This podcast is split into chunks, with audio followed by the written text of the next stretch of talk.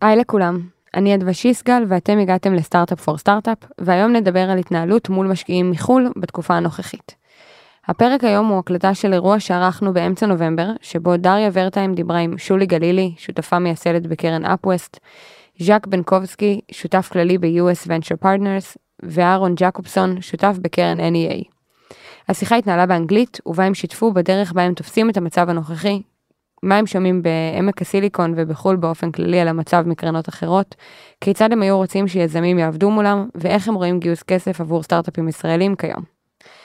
כל הקרנות השקיעו בלא מעט חברות ישראליות בעבר, ומשקיעות בחברות בשלבים שונים, החל משלב הפריסיד.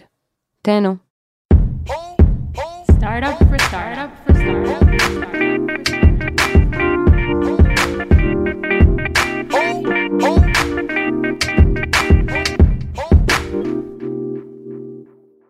So I, would like to start um, with hearing your perspective on the current situation. You know, the three of you, uh, each of you know know Israel very well, and you've invested in Israeli startups before, but this is not a regular situation. So I'd like to hear your take uh, on the current situation and how do you see like the Israeli startup ecosystem and, and if anything changed from uh, from your end? So, um, well, obviously, uh, we are very sad about what happened and what continues to happen. It touches us directly. Actually, it touches us very directly in that we've had several portfolio companies where people have had, you know, tragic losses. We have one where a senior executive has five family members that are hostage. So we're dealing with the situation remotely, very intimately. Uh, and of course, we, we work with our CEOs on that. As far as investing, look, we've invested in Israel no matter what. We've invested during the Intifada, we invested during the Lebanon operation, we invested in this and that. And unless this was to become sort of a international conflict with the US and Iran and all that, uh, which we all hope will never happen, I think it's the same for us. And Israeli entrepreneurs have innovated during those times, and our companies have performed. Um, we in diligence, like like Aaron mentioned, we in diligence to look at current Israeli companies, and nobody at USVP or in our LP base would say, "Don't do an Israeli investment" or wait or whatever. It's just business as usual from that standpoint. Aaron, um, I'd love to hear your take, and maybe also if you have anything to add about you know the general sentiment about israeli startups like if you hear other vcs talking uh, what are people saying right now yeah, well, I think I mean the Israeli community is quite you know broadly ingrained within Silicon Valley, and so it's really personally affected.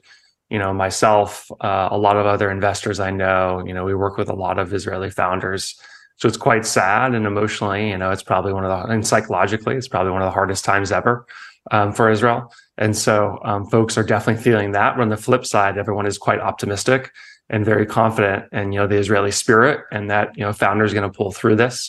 You know, Israel has a long history of crises and coming out, you know, better and stronger on the other side.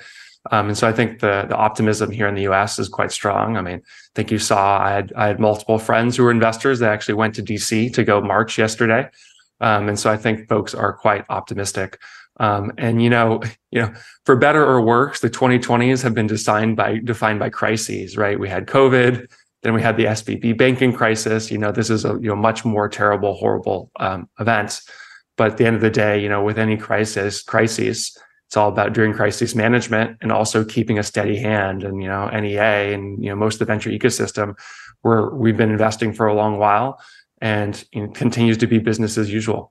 Um, looking at deals, sourcing companies, you know, supporting our founders, um, working more closely with our founders than ever because you have to think about you know runway and you know impact on you know potentially some of the employees getting called up. Um, but uh, we very much are, you know, continuing to look at companies and excited to find more founders to invest in.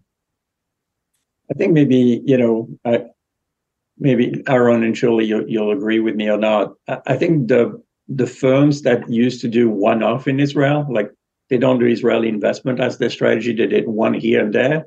They're probably not feeling like us, right? They they're like, oh, you know, I've done one deal in Israel, been there a couple of times it's very different. You know, they can much more easily uh, get pushback or feel pushback. Yeah, surely we I talked agree. about yesterday. Maybe you can elaborate on that a, a little bit. Yeah, I mean, I think that you can hear, you know, and and you know, I had the pleasure of of working with both Aaron and Jacques for many years. Uh, I mean, I think uh, you know over a decade, and always run into them in Israel. So the the only thing that is different is that the three of us would be in Israel probably this this past month, and we're not. We're here. Uh, but I think that what you hear really from uh, and it's important for founders to understand, especially for those who made the strategy of investing in Israel as strategy, is that um, VCs are long-term thinkers in how they manage, you know, their um, uh, engagements, how they think about risks management. The reason uh, a lot of US VCs made a strategy of investing in Israel, and I had the pleasure of, of working with so many of them who never done it before, and and you know in 2004 decided this is a strategy for us. Is that there are few ingredients that made them decide that, and and and that is the incredible talent and ecosystem in Israel, the um, you know the opportunity to back really top notch entrepreneurs who are ready to go and build global companies. And this hasn't changed for them. So there's no reason why this would change now. The thinking primarily is short term versus long term managing the crisis. Really, what's what's happening short term? How do we really work with our founders or initial, you know, thinking about our team and doing deals in Israel short term? And how do we think about helping our founders in the long term, whether this is going to be a prolonged crisis? And so this is really how um, how a lot of us are thinking. Um, uh, same with Aaron and Jacques. I've seen incredible support from the wider venture community uh, that we've been engaged with in the last, you know, two decades here. Um, those who've never done deals with Israel or have never went there will probably stay on the sidelines in times like this, and it will be much harder to kind of you know bring a deal to them. Uh, but those of us who've been engaged, you know, for many years, have um, a lot of portfolio there and understand kind of the the, the character of, of the of the place and the people um, you know, probably will stick to, you know, doing um, the same thing basically right now. You know, it sounds um, like when I hear all three of you saying these things, it sounds so good. Like I, I get up all optimistic.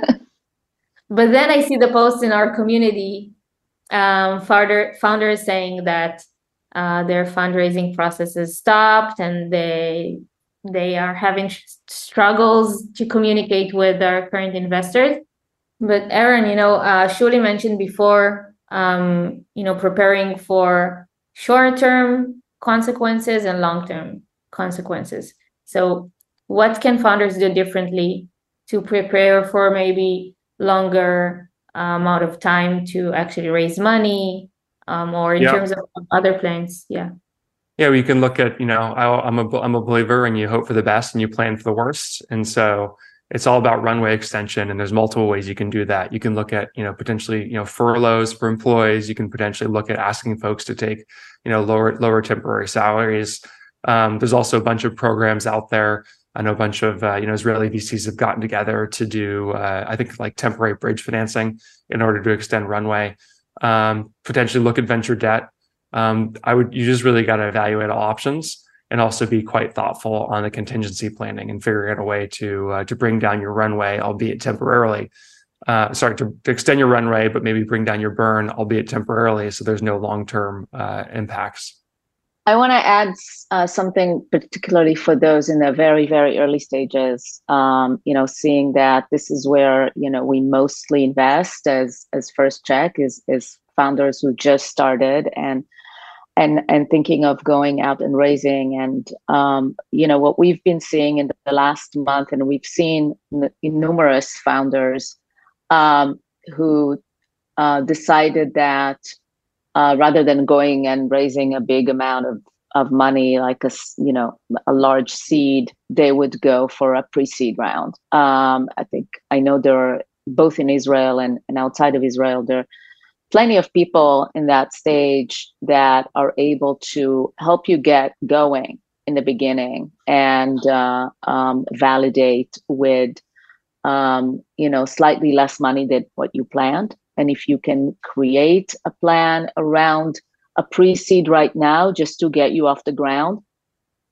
um, you know i would encourage you to do that. Um, we um, we did a pre-seed deal last week actually in israel. And um, and i think it's a team that could have easily maybe you know go out and raise a larger amount. But uh, they were eager to get going uh, with um, some really important design partners so uh, so they, they opted for the pre-seed. So I would say for those of you in that stage, uh, there's plenty of money at that pre-seed and seed stage, um, and and both in Israel as well as outside.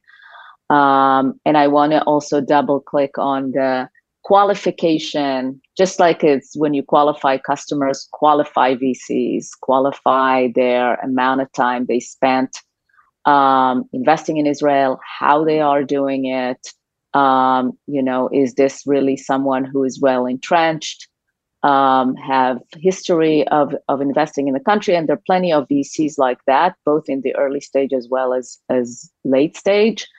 Um, and it's really important to uh, to qualify before you go, so you don't waste your time um, in talking to the you know the the people who are basically right now not going to make any move. Also i want to emphasize because i've been in the us for so long working with israel ecosystem is that at no point should you at the boardroom discuss politics go deep into explaining and and you know doing any of that. And you know aaron and and jacques i you know i wonder what you think about it but i always tell founders you know just you know definitely avoid if you can um, getting into any explanation or political argument. It's just pointless and you know kind of sidetracks from why why you're you know there for think on that last point, I, I want to add to that. I've had discussions with my companies. You know, your your company's LinkedIn page is for companies announcements. It's not for, you know, Israel pictures and Israel, you know, Hasbara or anything like that. Um, it eventually backfires anyway. You know, somebody's going to post something and then somebody will say free Palestine and whatever happens, you know, like people can do whatever they want in their private lives. But unfortunately, LinkedIn, who used to be business only, people have started to post uh, political stuff. Just make it a policy for your teams that they can do that on their personal accounts. They can do that on Facebook. They can do that on Instagram, not on the company's feed. I mean, one, one thing I want to emphasize though, um, before the war started, the Israeli ecosystem was starting with a lot of delay compared to the US to reset, right? Like, like the Israeli the US ecosystem reset two plus years ago. And I was in Israel the week before Rosh Hashanah, and I was with a bunch of you know VCs at a cocktail, and they asked me as a foreign investor, they were all Israeli investors, kind of where are we? And I said, you know, honestly, you guys are just at the beginning, and the bottom is going to be in 12 to 18 months. And so a bunch of what's happening is actually not related to the war. The war is kind of a fog on top of it. And, you know, people have to take stock of that reset, sort of forget the war if they can for a minute and say, what would my company have done pre the war? What would have been the valuation? What would have been the round size? and recognize that the party that Israel has enjoyed for the last three, four years, that party is over, regardless of the war.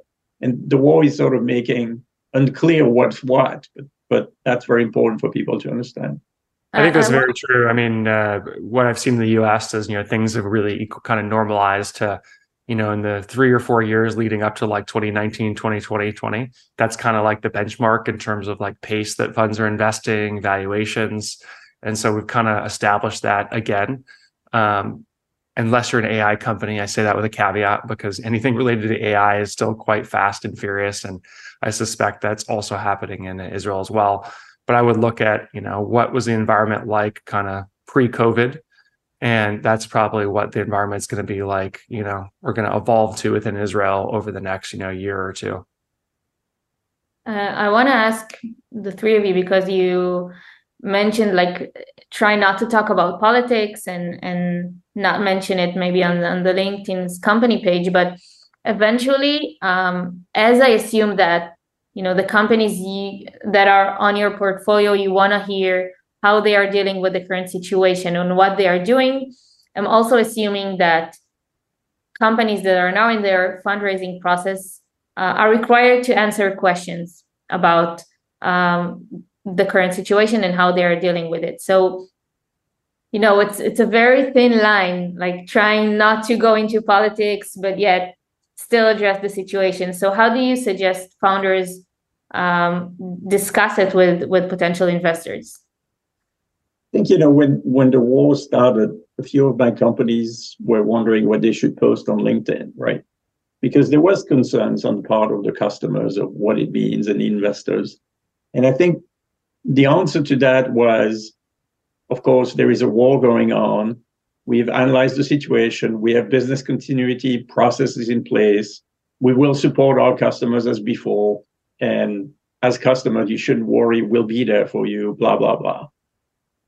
That's perfect if you start adding to that support Israel, Israel great, Israel is going to win, blah blah blah, then you're crossing the line.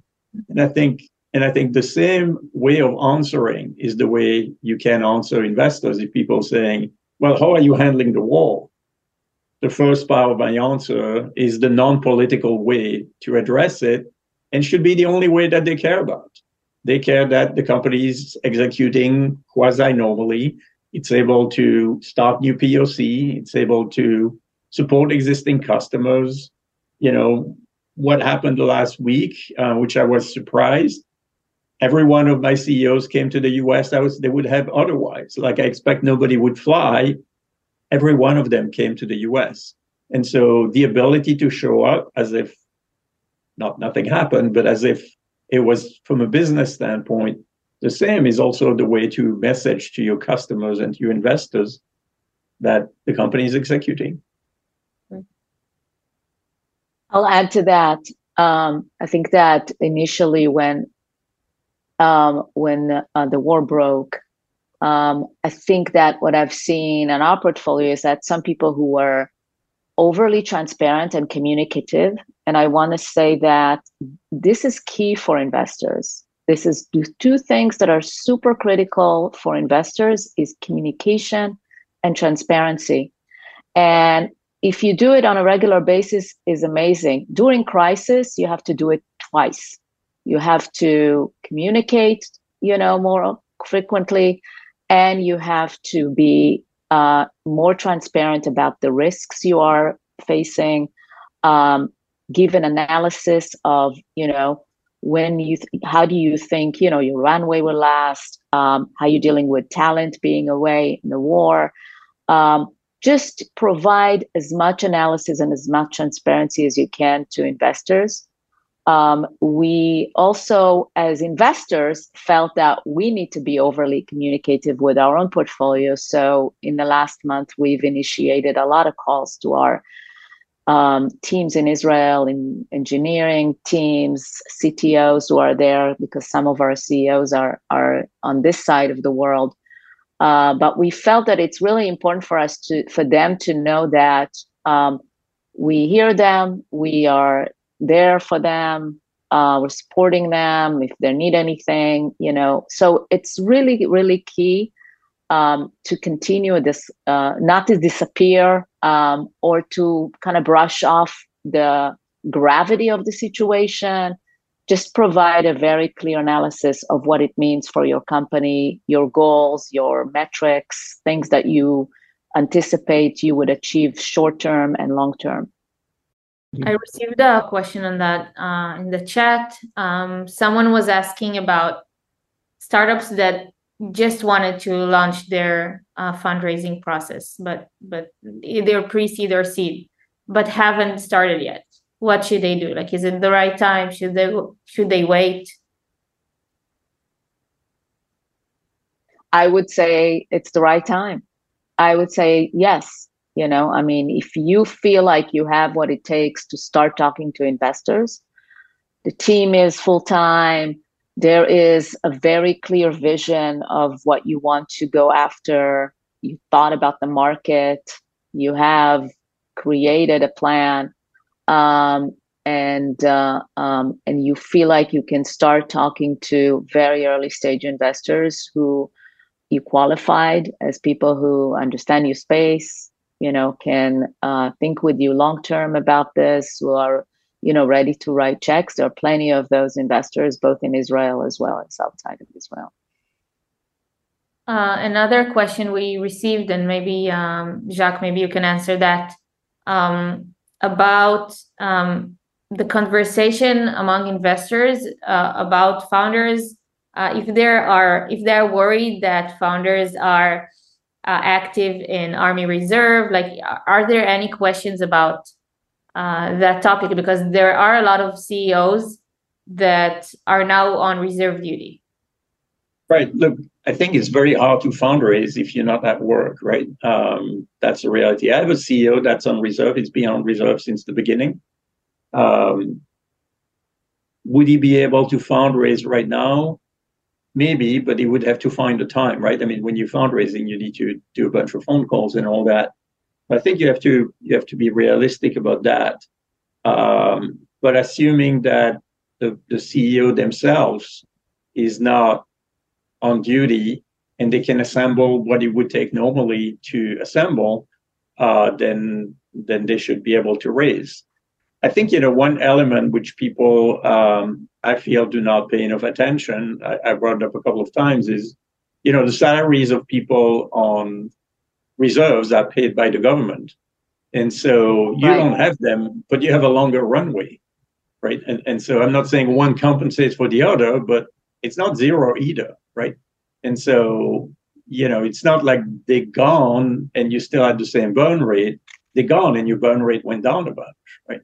And so people need to think about that as well as a runway extension. Obviously, they're going to have a harder time reaching the KPIs, but you know, both come in balance.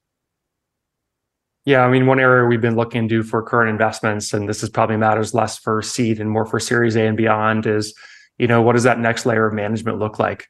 If you as a founder, CEO get called up, who's going to be the interim CEO? if your head of sales you know gets called up if you're head of r&d who's the second person you know having a good plan and also um, you know being comfortable with them them spending time with investors because i think investors are, are really double clicking going much deeper on the team than they have before um, to really get a sense of you know who's the second in command spend time with them um, you know are they going to be able to run the company for you know three months six months you know so um, think about that. If you were not to be the CEO right now and have somebody as the designated CEO, who would they be? And maybe train them and prep them um, so that you know if you end up in that situation, things can transition as smoothly as possible. I have a question actually for Aaron on your like recent deal that you're working on you know, seeing that NEA is is pretty large organization, and you know, you've been investing in Israel for a while. How are you?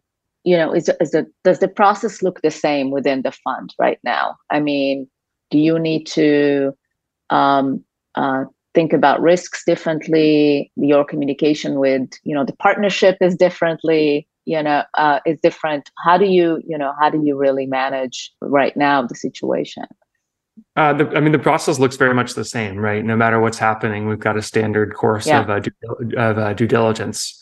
Um, we have to be realistic and recognize that you know it's a risk, but the truth is, and our LPs know this as well. It's always a risk whenever you're investing in the Middle East, right? This is just an inherent risk that you take, and it might look you know, like more certain because we're investing in a time of war, but you know three months ago six months ago a year ago five years ago right there's always just risk endemic to the region and we know that our my partners know that our lps know that you know certainly certainly during times like this some of our lps will ask questions and say you know how many companies do you have in israel how are you how are you supporting them how are you um, you know making sure to they have what they need Um, how are you thinking about uh, new investments in Israel?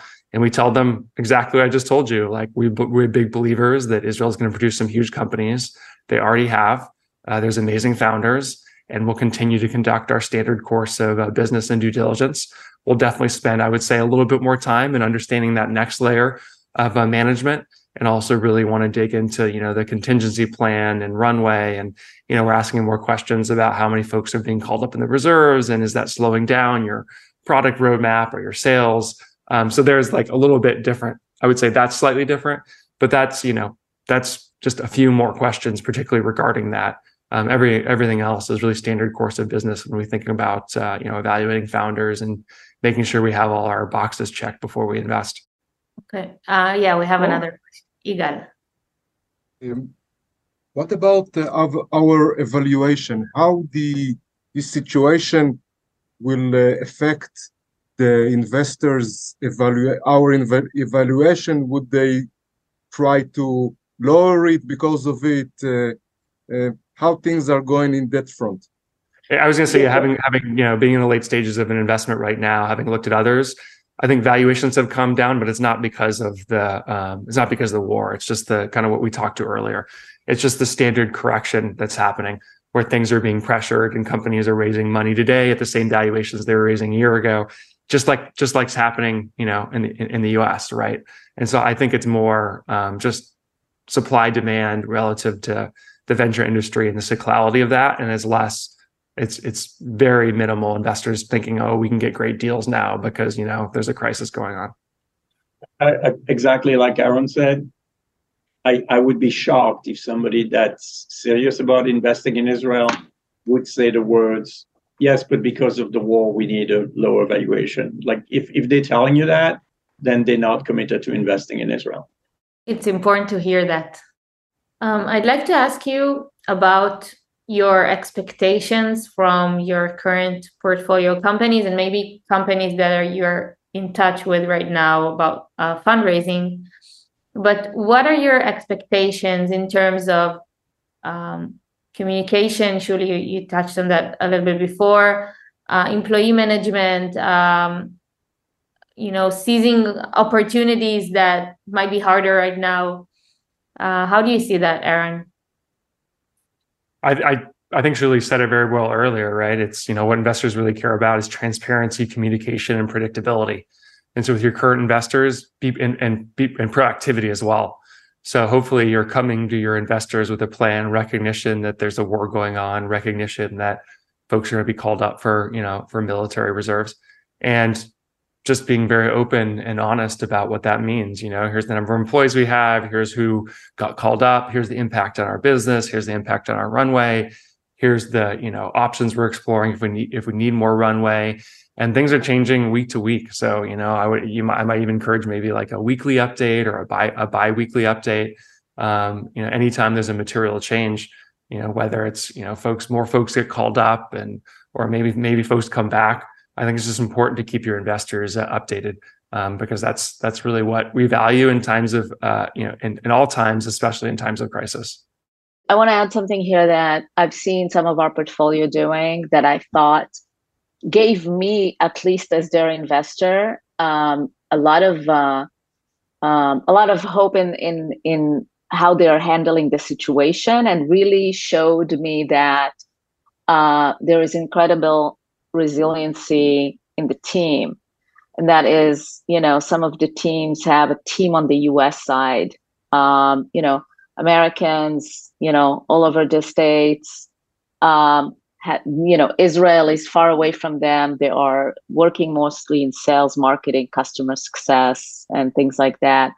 And what the company did is they basically created a really short video of all these US you know employees um, you know talking solidarity with their israeli counterparts. And what the ceo told me is that that small gesture created incredible um, you know i would say cohesiveness in the team.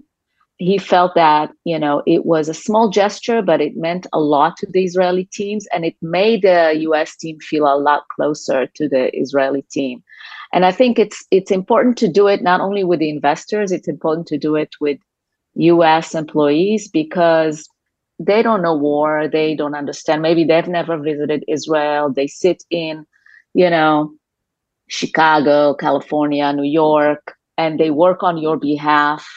Um, it's important to help them feel part of the process and uh, and and you know to have do this internal communication as well um, and and create that solidarity within the team. And for me that provided me a sense of you know these guys really got it together. They really have internal communication they communicate it to the outside they're creating cohesiveness. They'll really get through this. And i think that's important to show investors as well. It's like how is the team doing morale wise how are they handling the lack of you know maybe availability to speak to customers um, really you know dive deep and talk about those kinds of um, small things that you've done to create um, you know kind of a greater um, opportunity for you know when things are you know going back to normal hopefully yeah. Uh, maybe maybe one or two last questions we got we received in the chat. Um, the first one is um, how open are U.S. investors to having an Israeli-based parent company, um, considering not just the war, but you know all the recent events that happened. You know, in the in the recent year, they, we had a lot of questions about it um, in our community. So I'm interested in hearing what what you're thinking. Look, it was always a better idea to have the top company be a US company uh, for all kinds of reasons. Uh, the Israeli ecosystem doesn't understand that. Uh, but you have 90% of problems that you could have just go away by having a top co being US. And I think people overestimated how much the demonstrations of the first half of the year impacted that. It didn't.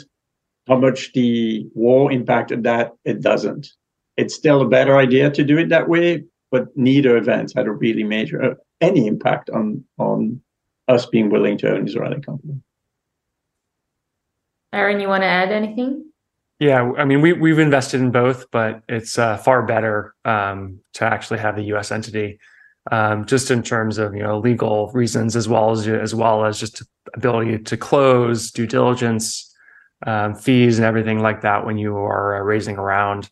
Um, also, I think what a lot of Israelis don't realize is it also opens up the opportunity to fundraise from a much larger pool of investors. There's just folks who just don't aren't sophisticated enough to know what it's like to invest in an Israeli entity. Um, they don't really have the experience there. Um, uh, some funds even have LPs that have restrictions, and that the, the the LP puts restrictions that that that fund in the U.S. can only invest in U.S. entities. Not that they can't invest internationally, but they can only invest in U.S. entities, which means you know if you're going to do international, those those companies have to be incorporated in the U.S. as well. And so I think it's you know it'll save many headaches down the road if you just have that uh, that U.S. top company. Yeah, without going to details, you know, it makes IP issues go away. It makes transfer pricing go away. And if you were to be acquired, you know, by, by a US company, which is what's going to happen to 90% of, of Israeli companies, you just took 30% of the diligence and made it disappear. But yeah, not impacted by demonstration, not impacted by the war. Um, so maybe we'll end with like, you know, something, one takeaway you want uh, the founders here in the audience you want them to to leave with today? Shuli, maybe we'll start with you. Um, I would leave with, you know, Israelis are strong, resilient, and optimistic people. And this is really a little bit of a kind of dark, dark day. Um, you know, we definitely are super connected to the news and what's happening. And every morning I wonder, you know, what happened while I was, you know, asleep here in California and and and I can only imagine what it's like to be there on the ground, connecting to, you know, so much of the heartache that is going on. But I I I do want to say that I've I've seen um, you know, the the incredible uh, strength of a lot of people in times like this. That's what inspires me is really, you know, seeing that you know people are really pushing through delivering products you know, talking to customers, being out there, uh, despite everything. Jacques I think, you know, we're supporting you. We've always supported you and we'll continue to support you. And if you open for business, we open for business. And Aaron, last but not least. Yeah, US investors, I mean, we recognize it's a very tragic and hard time uh, for Israel. And at the same time, we're we're here to back founders. We're here to invest in founders and build generational companies. And if anything, this just shows the the benefits of investing in Israeli founders, which is their resilience and their you know inability to say no and their ability to persevere and you know make things happen in even really tough times. Yeah, I, I think I'm taking a few things from um, from what the three of you are saying, but the main things are first uh, for founders, look for investors who have already invested in Israel in the past. Um, pro- will probably make the fundraising process um, less, n- not easier, but less hard in these times. And the second is communication, like communicate um, whatever you're going through, even if it's, um, you know, dealing with uh, reserve duties or, you know, understaffed or whatever it is communicate and show how you are dealing with the situation um, and be transparent about it to give confidence to the other side. Um, so I, I want to thank you for taking the time uh, and sharing your perspective. Thank you. Thank, thank you. you. A lot. Um, and hopefully to see you in, in better times in the future. Startup for startup for startup.